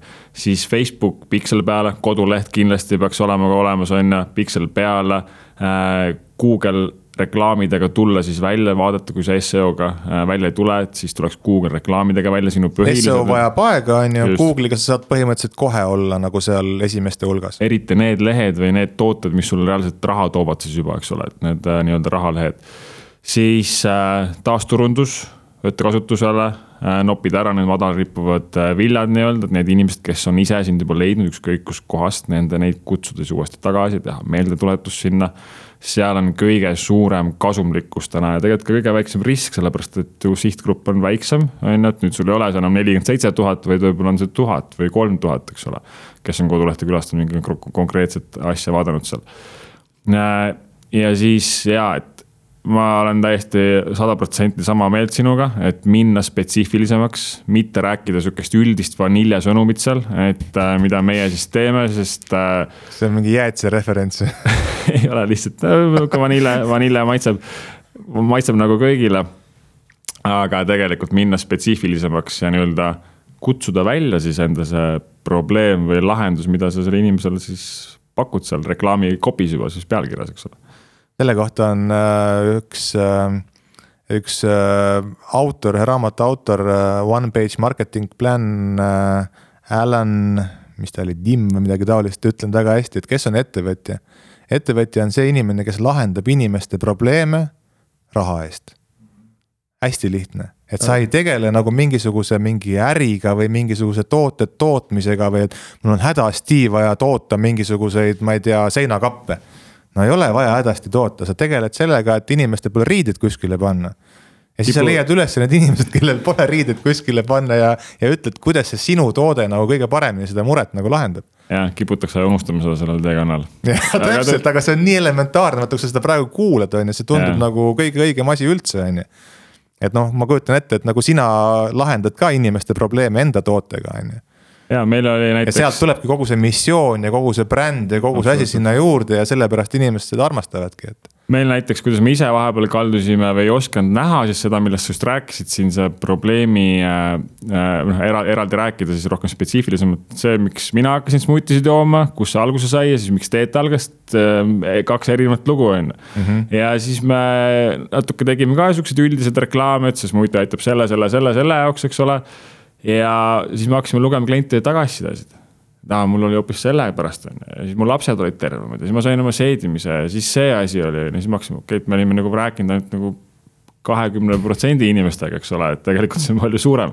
et ähm, kus ma tahtsin jõuda, et sinu klientide tagasisidest sa saad hakata esimesena välja noppima tegelikult seda neid samu, neid probleeme või miks need inimesed ostavad, mis nad sellest siis said või mis asju see lahendab nende elus, kuidas see inimese elu paremaks tegi et äh, Facebooki puhul on see kindlasti hästi oluline ja Google'i puhul siis äh, peaks samamoodi olema see pakkumine konkreetselt juba väga konkreetselt siis teada ja võimalikult lühidalt edasi antud. jah, kuna väga piiratud äh, tähemärkide arv on selle jaoks, siis pead olema väga, väga konkreetne, et eks ta selles mõttes noh ütleme, see alustada ja kõik see ongi nagu see search on nagu hea lihtne on ju, noh, see võiks niisugune nii-öelda see otsingureklaam on ju, et noh, niisugune nagu vundament olla. aga eks ta selles mõttes läheb noh, keerulisemaks just see, et kui, kui sealt nagu tahta edasi laiendada, on ju, et noh, Youtube ja Gmail, et need on selles teistsugune dünaamika. aga, aga ma nõustun ja, et, et võib-olla otsingus on lihtne, aga seal ongi see, et, et, et sealt tulevadki need teised reklaamikanalid nagu juurde, on ju, et nagu Facebook ja selles mõttes, et. et sa otsingus on maht piiratud alati, on ju, et noh, selles mõttes, et mm. seal sa ei saa nagu lõputult nagu laieneda, et see ongi see, et noh, sa teed selle korda ära, on ju, ja noh, tavalise ettevõtte jaoks ongi nagu. noh, teed selle korda ära, on korras, siis tegelikult kui on hästi seadistatud ja no ütleme, et siis, siis ta on ei vaja nii palju nagu hooldust, kui eelarved ei lähe väga suureks, on ju, ja saadki tegeleda teiste asjadega. et see prioriteeti seadmine nagu tänapäeval, nagu Marko ütles, on väga oluline, on ju. ja siin ühele oma kliendile ka on ju tegelikult soovitasin, on ju, et noh, et kui mina oleksin tema asemel, on ju.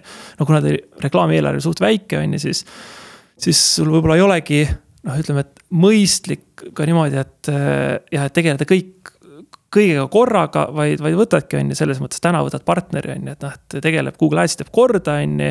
noh, ja partner teeb seda hästi, on ju, noh, see võib jääda seal selles mõttes, et võta see eelarve, mis sa muidu annad nagu. noh, igale osapoolele natukene, on ju, mitte midagi sealt ei juhtu, on ju, siis, siis võta järgmine eesmärk, on ju, et tee omal, ma ei tea, Facebook, on ju, pane korda, noh, seal võib-olla on selles mõttes potentsiaali rohkem sul, on ju, siis võib-olla jätkad ka sealt. aga sa võtad tükiti, on ju, seo samamoodi, struktuur, tehniline osa oleks seal nagu korras.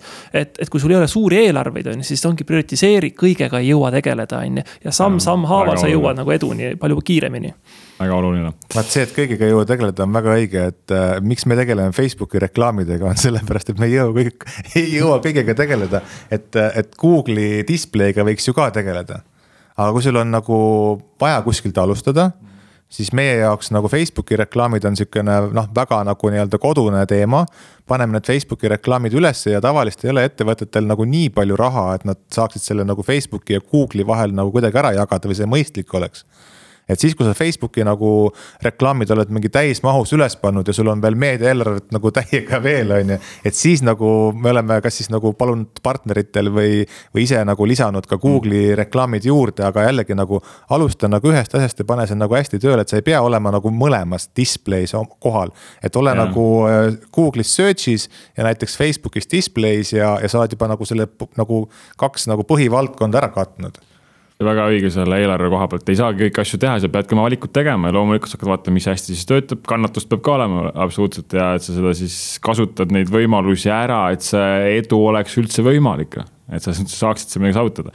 nüüd äh, Facebooki reklaamide kohalt, kui ma ise puutun hästi palju kokku sellega, siis ettevõtted turunduseelarved on, kulutatakse kuskile raha mingitele ajakirjadele, mingitele muudele asjadele ja päris paljud on meile pärast koolitusega tulnud, mis ma tegin kohalikus lehes, äh, vist alles Viljandist poolteist aastat reklaami, inimesed teadnud, et me olemas oleme, et meil on pood ja meil on e-pood on ju. ja siis järgmine kutt tuli Tartust, ütles, et ma tegin kaks korda siis kahesaja euro eest äh, kohalikus raadios reklaami, null. panin Facebooki reklaamid peale, neljakümne euro eest. asukohapõhine ärkas järgmine päev üles, kutt oli jumala õnnelik, müügid, esimest müügid ettunud on ju. Et tegelikult äh, see viissada eurot kuskile ajakirja kaan või mingi muu kanal, mis on nagu harjutud tegema, et see nagu läheb sinna ja see on kogu aeg läinud et võib-olla võtta see viissada eurot ära sa saad selle eest kas teha omal ühe sihukese hea kampaania Facebookis või terve kuu aega jooksutada seal, tuua neid uusi inimesi kodulehele vaata see asukohapõhine värk, mis sa praegu välja tõid, minu meelest on hästi oluline, et kui sa võtad eriti veel mingisuguse nagu mitte nagu Tallinna, Eesti kontekstis näiteks mm. -hmm. siis võta see ettevõte, pane sinna ümber raadiuseks mingi paarkümmend kilomeetrit, on ju. ja sa saad võib-olla nagu mõned tuhat või tuhanded või, või mõned kümned tuhanded äh, Facebooki ja. kasutajad. see on väga väikene sihtgrupp, sul läheb selle jaoks väga vähe raha. eriti kui sa veel seda natukene kitsendad veel oma nagu enda nagu selle sihtgrupi, ma ei tea, vanuse ja sooga. ja tegelikult sa saad väikse rahaga lokaalselt oma, oma kliendid väga hästi kätte rääkisin samast äh, paar nädalat tagasi Teeduga koos, kuidas väikse eelarvega kohalik ettevõte saab teha. mul Kuressaares äh, hea sõbranna teeb kohvikut, ülihead tervisetoidud, aga Tripadvisoris ei ole, tule välja, sest on uus koduleht ka ei ole. suvel ainult lahti ja siuksed äh, väga, tõesti ainuke nagu hea hommikusöögi koht on ju. nüüd sa teed oma sinna Facebooki fännibaasile, Instagrami, mida sul kokku võib-olla tuhat inimest on ju, aga need on enamasti kohalikud inimesed mm. -hmm. nüüd kus siis Tallinna inimene, kes tuleb suvitama sinna või turist peaks kuulma sellest ettevõttest või sellest kohvikust? Kuressaares keegi Facebooki reklaami ei tee aga, aga asukohapõhine selles yeah. mõttes, et äh, sa panedki selle lihtsalt lokaalselt üles ja kõik turistid, kes sellel hetkel on äh, Saaremaal, terve Saaremaa kõik, kes sinna ringi siis sõidavad äh,. täpselt ja, ja seda võid veel ka ju veel kellaajaliselt teha, et, et sa noh, eriti hea näide on, et võta mingisugune restoran ükskõik kus kohas, kasvõi Tallinnas on ju, et meil on siin mm ka mitmeid äh, kliente. et pane lõuna pakkumine, pane iga päev tööpäeviti kella kümnest kuni kella kaheteistkümneni ülesse. ühe kilomeetri raadiuses ümber selle restorani ja vaata, mis juhtub jah, ma tegin sama asja, sõbranna isale aitasin teha Kuressaares, ka uus restoran oli õhtusöök äh, alates kella kahest õhtul kella seitsmeni. Yeah.. ja ta ütles reedel, reedel lülitasime välja, sest reedel polnud vaja, laupäeval olid nagunii täis juba on ju, aga need päevad, kus oleks kliente vaja, on see teisipäev, kolmapäev, neljapäev, esmaspäev õhtu, eks ole. Ja, ja Kure-, Saaremaaga seal ma olen soovitanud veel äh, koolitustel ka kasutada sihukest strateegiat, et äh, kus inimesed passivad, kui nad sõidavad Saaremaale, Virtsus on ju, praami peal, kõik kerivad oma mobiili keegi ei vaata neid kalleid plakateid, mis seal ääres on. näita reklaam seal Virtsus ära et kõik, mis Kuressaares toimub, kas seal on mingid tuuleveskid või näitused või muuseumid või söögikohad, et juba tee see esimene teavitus ära, sest see on ainult võib-olla kolm eurot päevas on see eelarve, mis sul mm -hmm. vajab sinna kogu lugu, tal polegi rohkem kulutada, sest pole kellelgi näidata seda reklaami rohkem. aga selle asukohapõhise reklaamiga tahtsin rääkida seda, et äh, näiteks meil on äh, mitmed sellised kliendid, kes äh, nagu ekspordivad, Eesti ettevõtted müüvad üle maailma oma tooteid noh, üks näiteks äh, Silent Space, selline vaiksete ruumide äh, tootjaettevõte ja, ja nemad käivad hästi palju messidel. ja me teeme neile messide jaoks sellist lokaalset sotsiaalmeedia reklaami tuge, et kui nad on kuskil mm. paar päeva Saksamaal, Austraalias, Ameerikas messil, siis me võtame selle messi keskuse aadressi ja paneme sinna kilomeetri raadiusega kolmeks-neljaks päevaks äh, reklaamid ülesse sihukese arvestatava eelarvega. nii et äh, Facebookis ja Instagramis kõik need messikülastajad põhimõtteliselt äh, hommikust õhtuni feed'i kerides näevad kutset. tere, ma olen siin messil, sa oled ka, tule meie boksi. see on väga hea strateegia ma.... ülipisikene sihuke tehniline trikk on ju, aga see toimib ülihästi, sest messikulutused on mega suured kõik see, et need boksid, värgid sinna kohale on. saada.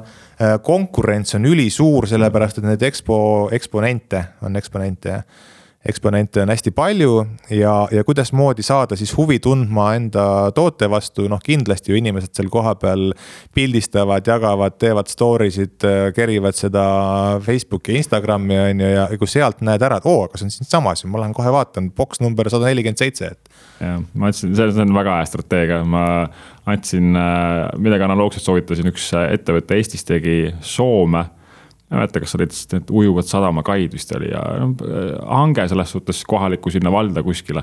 ja ega sa ei saagi midagi rohkemat teha, saadad oma pakkumise teele sinna, kuigi nad olid juba siis Soome teistesse äh, kohtadesse paigaldanud seal ja kõik olid väga rahul, aga noh, nemad teevad ikkagi oma otsuse, nüüd mis me siis teha saame. niikaua kui see periood siis on seal kuu aega või kaks kuud suunata siis reklaame konkreetselt siis selle ala vallavalitsuse või äh, rajooni siis äh, samamoodi selle asukoha täpsusega, eks ole, viis, viie kilomeetri raadius näiteks. ja näidata neid tehtud töid, mis me siis oleme sinna teinud, mujale Soome nende asukohtades teinud. võib-olla see aitab kaasa, tõenäoliselt see projekt on väga suure väärtusega, eks ole, et äh, miks mitte proovida, et, et see oli väga hea, et sa välja tõid et ma olen kuskilt, ma ei tea täpselt, kuidas seda tehti, aga kuskilt kuulnud, et selle Beckami ja selle iglusaunaga tehti midagi analoogilist, et nagu lihtsalt tambitigi mingi pikalt Beckami aadressil nagu mingit Instagrami reklaami saunapiltidega, kuni vend lõpuks ära ostis, midagi sellist, et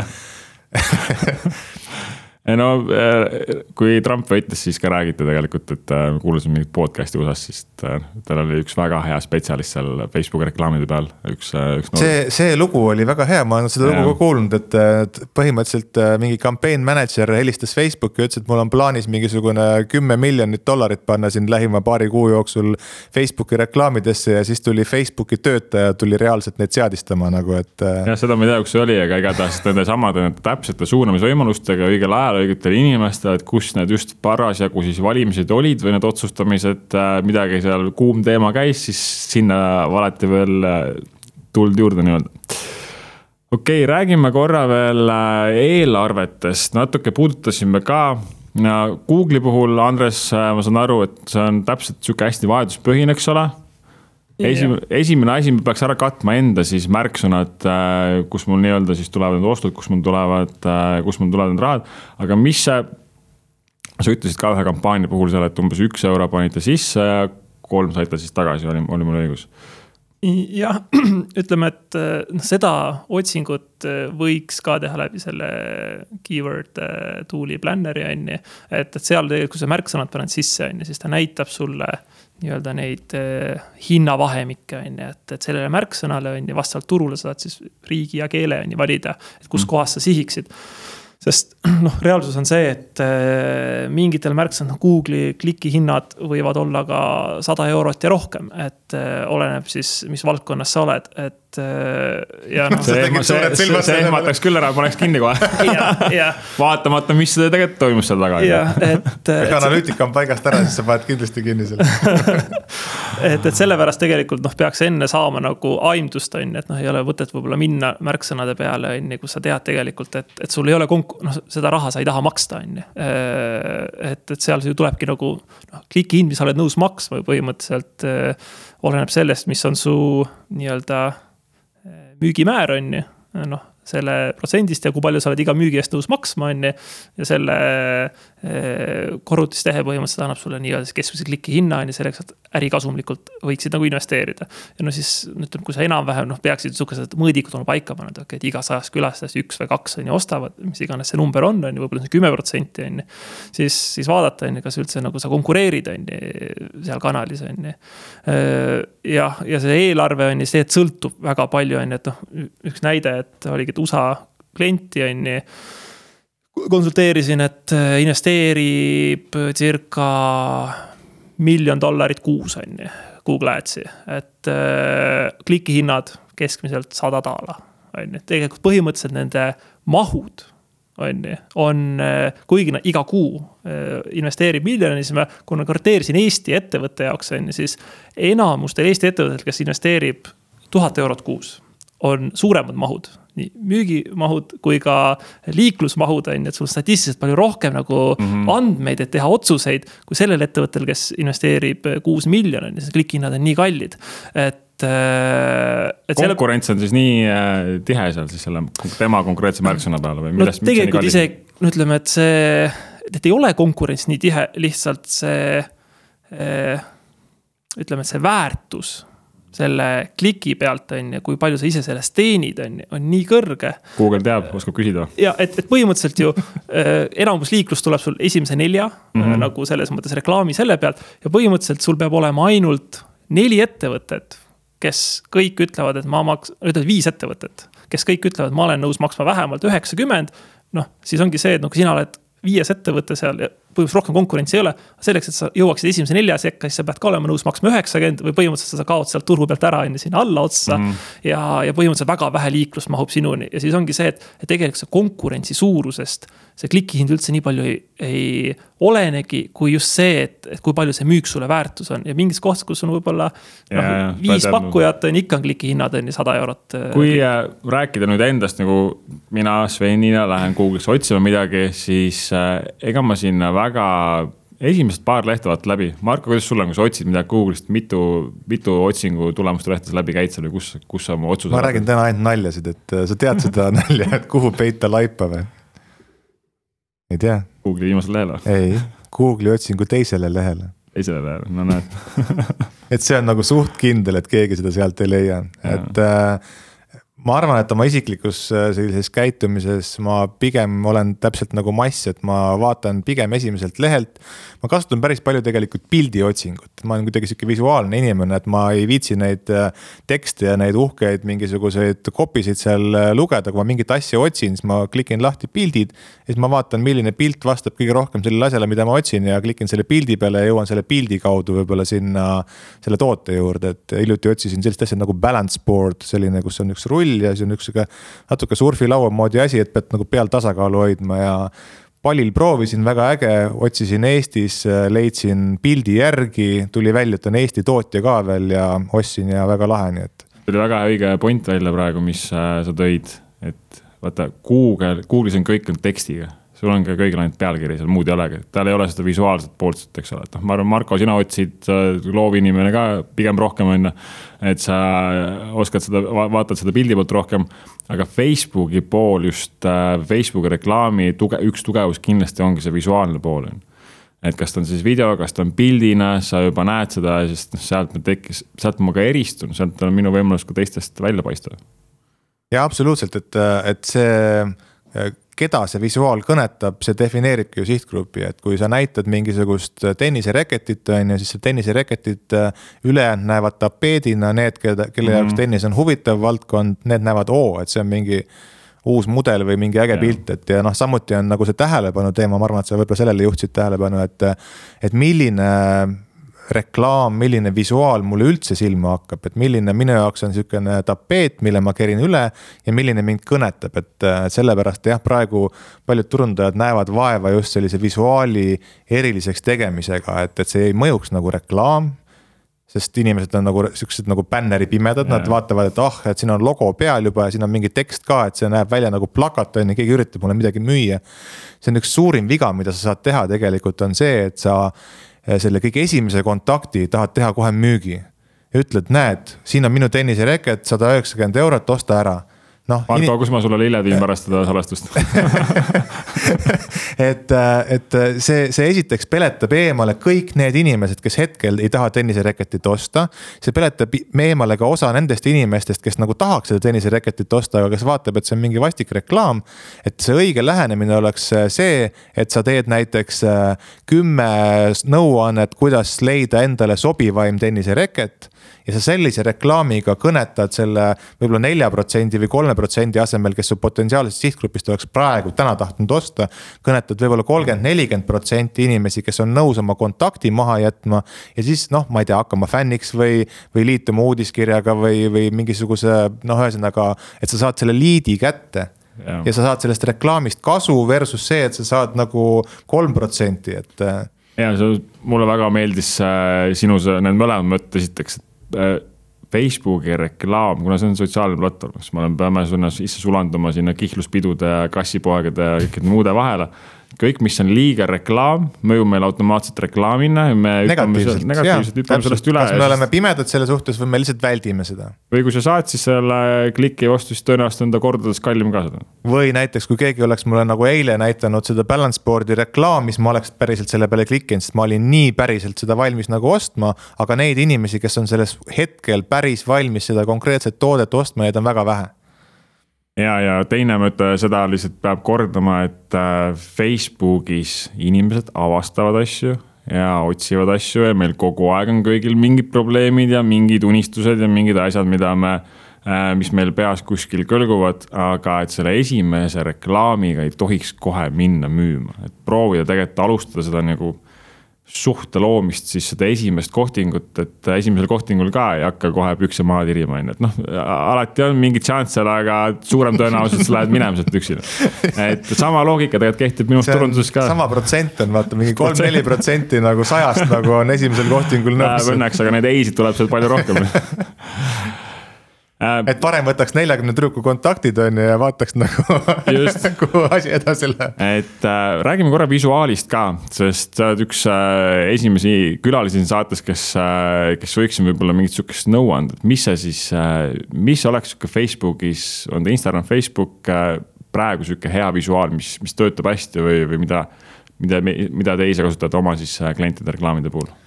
no kui rääkida nagu sellest, mis on praegu hetkel minu arvates nagu üks parim äh, nii-öelda sisu või, või noh, nagu visuaalmaterjal äh, mingisuguse postituse või reklaami jaoks, ütleme siis reklaam. on, äh, on see selline video, mis räägib sulle ära loo, ilma et sa heli sisse vajutaks.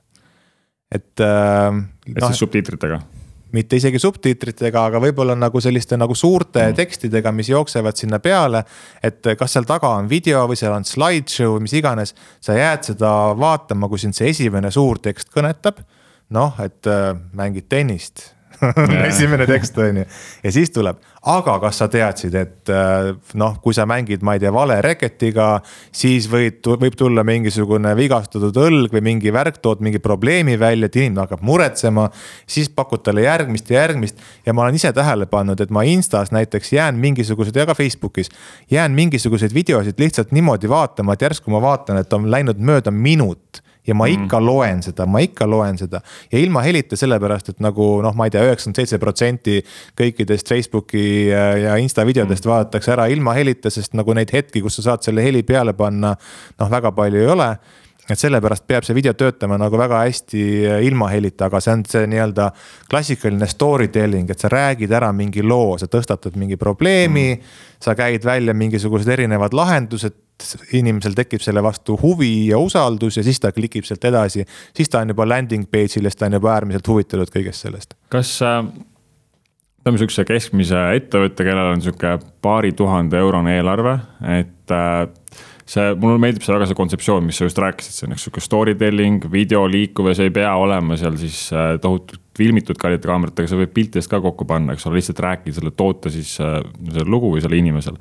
et kui, kui kättesaadav see täna on, et see tundub võib-olla kohati meile kallim võib-olla see lahendusena, kui kättesaadav see on täna sihukese keskmise, keskmise ettevõtte? kõige müstilisem on see, et, et see prod-, produktsioonikulu on viidud hästi madalale ja hästi kättesaadavaks inimestele, et selliseid mobiiliäppe, millega sa teed äh, klippe kus on üleval ja all tekstid või subtiitrid või mis iganes montaažid, asjad.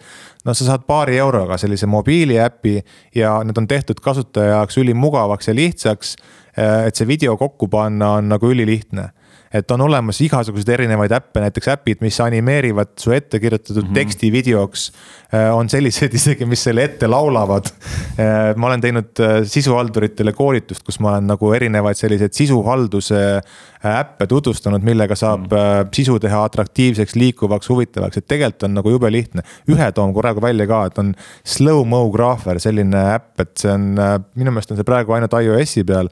aga põhimõtteliselt teeb sihukest nalja, et ta nagu pildistab aegluubis kaadreid, et sa teed nagu fotosid, aga mm. nad on nagu kõik siuksed nagu väiksed videod ja mängib seda aegluubis ette niimoodi, nagu sa oleksid nagu mingisuguse kalli kaameraga niimoodi väga äh, sujuvalt kõike filminud, paneb sinna ägedad üleminekuefektid vahele ja, ja reaalselt ütleme, viie minutiga on sul võimalik teha valmis äh, selline toote tutvustusvideo, et äh, vau. aga näiteks, aga noh, ma tean keskmisel sihukesel kes peab ise oma ettevõtet siis tegema või oma tooteid müüma, et see, see story telling'u pool või see copywriting'u pool, võib-olla see loo pool ka ja alati ei olnud kõige tugevamad et see toode on olemas, aitab inimesi, kui, kui ma tulen teie juurde, et näed äh,, tahaks ka sihukest, nagu sa tõid tenniseraketi näite, et ma ei tahaks nüüd kohe müüa, inimesed tahaks rääkida natuke sihukest story telling ut äh,, leida siis üks sihuke kampaania läbi, natuke testimist äh,. mis sihuke pakett umbes seal äh,, mis need, kus need hinnad algavad, et, et kas need on, kas need on kättesaadavad minu jaoks Äh, täna sihukese ettevõttena, kes siin noh, ütleme meil Facebooki eelarve booster selfil on kolm tuhat eurot, eks ole, et noh, ma pean siis reklaamidesse ka panema. kindlasti meil on täna mingid fotograafid, mingeid abilisi veel selle juures, et äh, mis umbes sinna need jäävad? mõtled, mis on nagu sellise ühe kampaania läbiviimise eelarve või püsiva kuu tasupõhise lahenduse. looks selle siis loovlahenduse sinna taha, eks ole, et oleks natuke sihuke story telling'u formaadis, võib-olla sihuke viisteist, kakskümmend, kolmkümmend sekundit äh, video seal. ja siis äh, prooviks seda siis ka need sihtimised asjad paika panna, et paneks ka selle Facebooki reklaami siis peale, et oletame, et ma ise ei ole siis see inimene, kes äh, tehniliselt hakkab seda siis tegema. tulen sinu juurde murega nojah, hästi-hästi raske on nii-öelda öelda, vastata küsimusele, et mis auto maksab, on ju, et äh, auto võib maksta väga, väga erinevalt, on ju. Äh, aga noh, ütleme, ma saan tuua umbes nagu näiteid, mis vahemikes me nagu opereerime, et kui me teeme ühekordse bännerkampaania äh, loome visuaalid, olgu need siis, ma ei tea, videod, animatsioonid, pildid, disainitud story'd, mis iganes, kirjutame sõnumid ja, ja sihime neid ja tahaksin kohal välja tuua tegelikult ühe väga olulise asja on see, et, et. et kui klassikaliselt mõtleme bänner, siis me mõtleme ühte visuaali, mis on Delfi päises, näiteks äh, ja see on nagu nii-öelda väga paljudel nagu vanakooli turundajatel nagu sihuke kinnistunud nagu mingi seos nagu, et bänner tähendab ühte asja, et no meie jaoks bänner kampaania ei ole üks visuaal üles pandud ja jookseb mm. raha eest, et me teeme mitmeid erinevaid äh, kampaaniagruppe, seal sees on erinevad äh, lähenemised üldse, erinevad sihtgrupid, erinevad visuaalid ja sõnumid. ja paneme need nagu käima ja siis vaatame jooksvalt, et ja praegu kusjuures Facebook teeb seda automaatselt, et ta nagu see äh, campaign äh, sisene nagu ad mm. set'ide nagu omavaheline optimeerimine käib automaatselt, me tegime seda varem nagu käsitsi kogu aeg.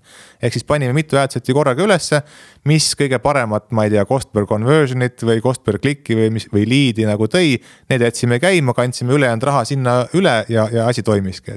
aga et läbi, läbi testimise leida siis need. läbi äh, testimise on ju, ja, ja, ja noh, see kõik tähendab tegelikult tunde, et kui me mõtleme nagu klassikalise meediaagentuuri saab loovagentuurist ühe visuaali, paneb selle üles, küsib ainult selle meedia vahendusel mingisugust feed'i on ju, siis nad noh, sellist nagu väga palju lisatööd sellest ei tee, et meil on see lisatöö ühe kuuajalise kampaania jooksul nagu päris märkimisväärne, et noh, võiks umbes suurusjärgu tuua, et, et saab hakkama näiteks sellise kampaaniaga, kus on meediaraha tuhat eurot, tööraha tuhat eurot mm, -hmm. näiteks ja, ja, ja sealt edasi tegelikult on võimalik minna nagu sellise nagu always on lahenduse peale, eks me igakuiselt hoiame üleval, vahetame sõnumeid, natuke sätime mm. -hmm. kasutame seda fikseeritud meediaeelarvet, saamaks nagu parimat tulemust, et. et siis nagu see jooksev kuutasu võib olla juba natukene soodsam, aga noh, sihukene tuhat, tuhande euri. ja sama tegelikult sisuhaldusega, et sisuhaldus tuhat eurot umbes, soovitav ka meediaeelarve seal, ma ei tea, viissada kuni tuhat vähemalt, et. ja seda ma tahtsin kuulda, väga, väga mõistlik selles suhtes, teades ise, kui palju see tööd võib võtta ja kui sul ettevõtjana sa pead kandma neid mütse väga palju, sa pead olema juht ja siis sa pead olema seal ja siis sa pead tootearendust tegema ja siis on veel mingid asjad, kus kuskil mingid midagi põleb. et, et sul ei ole aega tegeleda ja kui sa turundusega aega tegeleda ei ole turunduse ja müügiga, siis ettevõte ei kasva ka tõenäoliselt mitte kuskile, eks ole, et, et noh, neid päevi ei, ei tahaks nagu ära lubada kuskile sealt. Andres äh, kuna Google'i reklaamide puhul hästi oluline on see pakkumine, siis mis on siuksed äh,, okei okay,, mul on see pealkiri seal, sihuke toode, sihuke teenus. mis on võib-olla siuksed call to action'i koha pealt mingid sellised äh,, mis töötavad hästi või, või või mida, mida sina näed, mis sina oma reklaamidele lisad siis, mis on see üleskutse, mis kutsub seda inimest siis äh, minu kodulehele? no eks ta selles mõttes, äh, noh see call to action võiks äh, resoneeruda noh, sellega, mis sa tahad, et ta siis teeks, on ju, su maanduse lehega on ju, ega väga tihti selles mõttes ütleme, see sisu, no ega see on ju kõigis digiturunduses on ju, et, et sa ei saa reklaamis öelda ühte, kui su koduleht eh, kommunikeerib midagi muud, on ju. et, et enamasti selles mõttes me kasutame väga palju, ütleme elemente, mis on nagu kuhu me saadame nad edasi, on ju, et seal oleks ka see kirjas, on ju, et ma võin ju selles mõttes no, igasuguseid ilusaid call to action'id sinna mõelda, mis on mm. nagu parimad praktikad, noh, kirjutada Google'isse sisse, siis tegelikult saate listi, on ju, igasuguseid, mis võiks töötada. aga, aga pigem peaks olema ikkagi selline, on ju, et mis resoneerub, on ju, ja, ja no siis noh, see, need ongi ju igal ettevõttel erinev, on ju, et kui ühes sa tahad, on ju, et lae alla noh, raamat on ju, aga ütleme, et see võib ka töötada, noh, teine asi on see, et, et saa see benefit vaata, et nagu, et call to action'it. Action'iks kasutada seda, on ju, mis see tegelikult nagu väärtuspakkumine on, on ju, et. ma ei tea, et äh,. ja ma nagu, ma praegu mõtlen nagu ettevõteteni, keda nagu näiteks tuua, on ju, et, et ei, kindlasti ma just tahtsin sinna jõuda, et see call to action ka seal, et üks asi on see visuaalne pool, vahet ei ole, kas see reklaam on seal Facebookis, on see seal Google'is, igal juhul see inimene tuleb sinna siis kutsuda kodulehele. mida me talle seal pakume, see selgelt seal välja öelda, sest eestlastena me ka oleme siuksed äh, pigem aktiivsed ootajad äh,. ei julge siis või eeldame, et inimene ise leiab selle siis üles kuskilt sealt, et äh,. Sama... üks hea näide, vaata call to action, osta kohe nii-öelda mhm. purchase mm -hmm. nupp, vaata selle reklaami all on selline, mida nagu üsna tihti kardetakse aga see on nii konkreetne, et need, kes nagu päriselt tahaks kohe osta, nendest on lausa tehtud Facebooki jaoks eraldi target group, sa saad äh, engaged mm -hmm. shoppers sihtida. Neid inimesi, kes väga suure tõenäosusega nendele reklaamidele vajutavad, kus on shop now nupp ja pane ka teksti sisse näiteks, äh, kui sul on pealkirja sees, too ka sinna välja ja ära siis tegelikult esilehele saada seda inimest, äh, kui sa ei taha esilehele just saata, aga pigem just siis sinna. mitte pigem, vaid alati sinna, kus on siis ka see konkreetne siis see maandumisleht või see tooteleht no võib-olla näide on ju, et, et mis oleks võib-olla nagu hea kasutada, on see, et. et ongi, et nagu sa koolitusi müüd, on ju, et siis, siis noh, võiks ju öelda ka nagu, et vaata lisaks on ju, siis selle asemel ikkagi, et noh, et. Eh, õpi turundust, kui neid turunduskoolitust nagu teed, mhm. on ju, et. see call to action nagu võiks olla sisukam, on ju, kui lihtsalt see, et nagu kliki siia ja vaata seda, on ju, et kui sul on midagi sihukest väärtuspakkumist nagu pakkuda, et. Äh, meil ka Boosterfi puhul ka, et just selle taasturunduse puhul, et äh, on see shop now nupp juures seal ja alusta ühe smuutiga päevas okei okay,, esiteks ma saan aru, et lihtne, proovi ka järele, et liitus motivatsiooniga. sa ütlesid väga hästi, et see ongi nagu remarketingi juures on see shop now Just. nagu, et sa ei tee sinna esimest tutvumist yeah. nagu shop now väga head nõuanded, mehed äh,. väga hea oli istuda siin, natukene neid kanaleid äh, puurida ja peedistada, saada aru, mis, mis seal võib-olla mul endal ka mingid asjad tegemata, mida ma peaks korra üle vaatama seal Google, Google'i poole peal. Äh, kindlasti just Marko poolt äh, väga head nõuanded taasturunduse osas, visuaali osas just see, et me saame ka ise teha neid asju, eks ole. ja, ja võib-olla millal peaks mõtlema seda, et kedagi appi kutsuma endale siis? just siis, kas, äh, kas siis agentuuri mõttes endale? no ma arvan, et kõige õigem aeg äh, appi kutsuda on tegelikult nagu esialgu päris alguses natukene konsultatsiooni küsida lihtsalt, et kui sa nagu plaanid seda asja ise teha, sul ei ole nagu alguses alustavana näiteks äh, piisavalt raha, et seda väljast teenusena tellida, sest see on ikkagi nagu alustav ettevõtte jaoks nagu pigem nagu kallis mm. -hmm. siis väikene sihukene koolitus, väikene sihukene nõuandev äh, kohtumine alguses, et teha asju nagu õigesti, mitte nagu raisata raha, on nagu mõistlik. aga siis edaspidi nagu, et kui sa näed, et sa nagu enda tööga teenid rohkem raha, kui yeah. su aega läheb selle nagu turundamise peale, et siis on sul mõistlik võtta nagu appi ettevõtte. kindlasti neid reklaame ei saa niimoodi peal, ei nõua iga päev käehoidmist otseselt olema eelarvest muidugi, aga et paned peale ja unustad ära, et seda ka ei soovitaks. kus sulle kirjutada saab, Marko? mulle kirjutada, Marko at go.ee.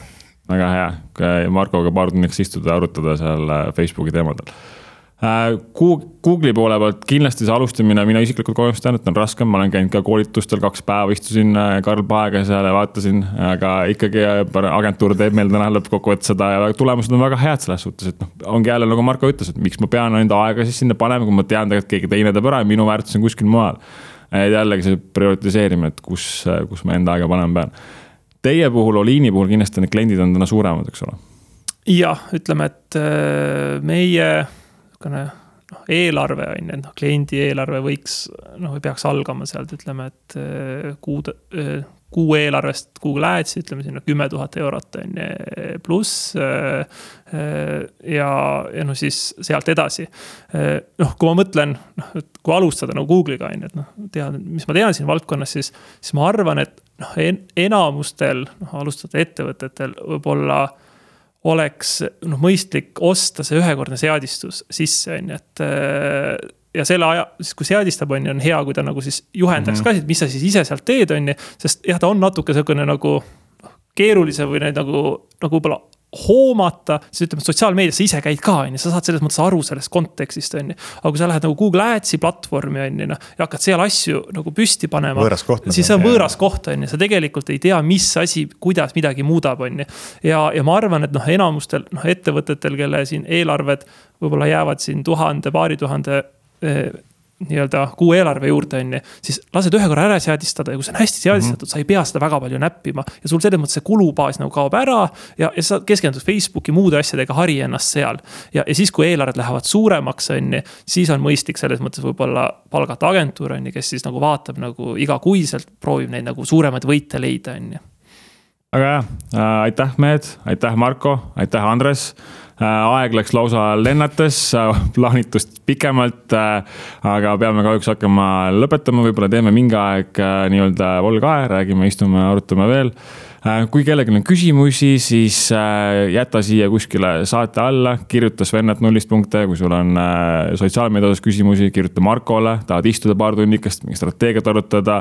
Andres kindlasti on ka valmis nõu andma. kui sul on kümme tonni, siis kirjuta Andresele siis kirjuta Andresele, kui sa oled jõudnud Facebooki reklaamidega sinna, et sul on kümme tonni ja kui sulle saade meeldis, siis jaga, pane subscribe ja järgmiste kuulmisteni aitäh kutsumast. aitäh.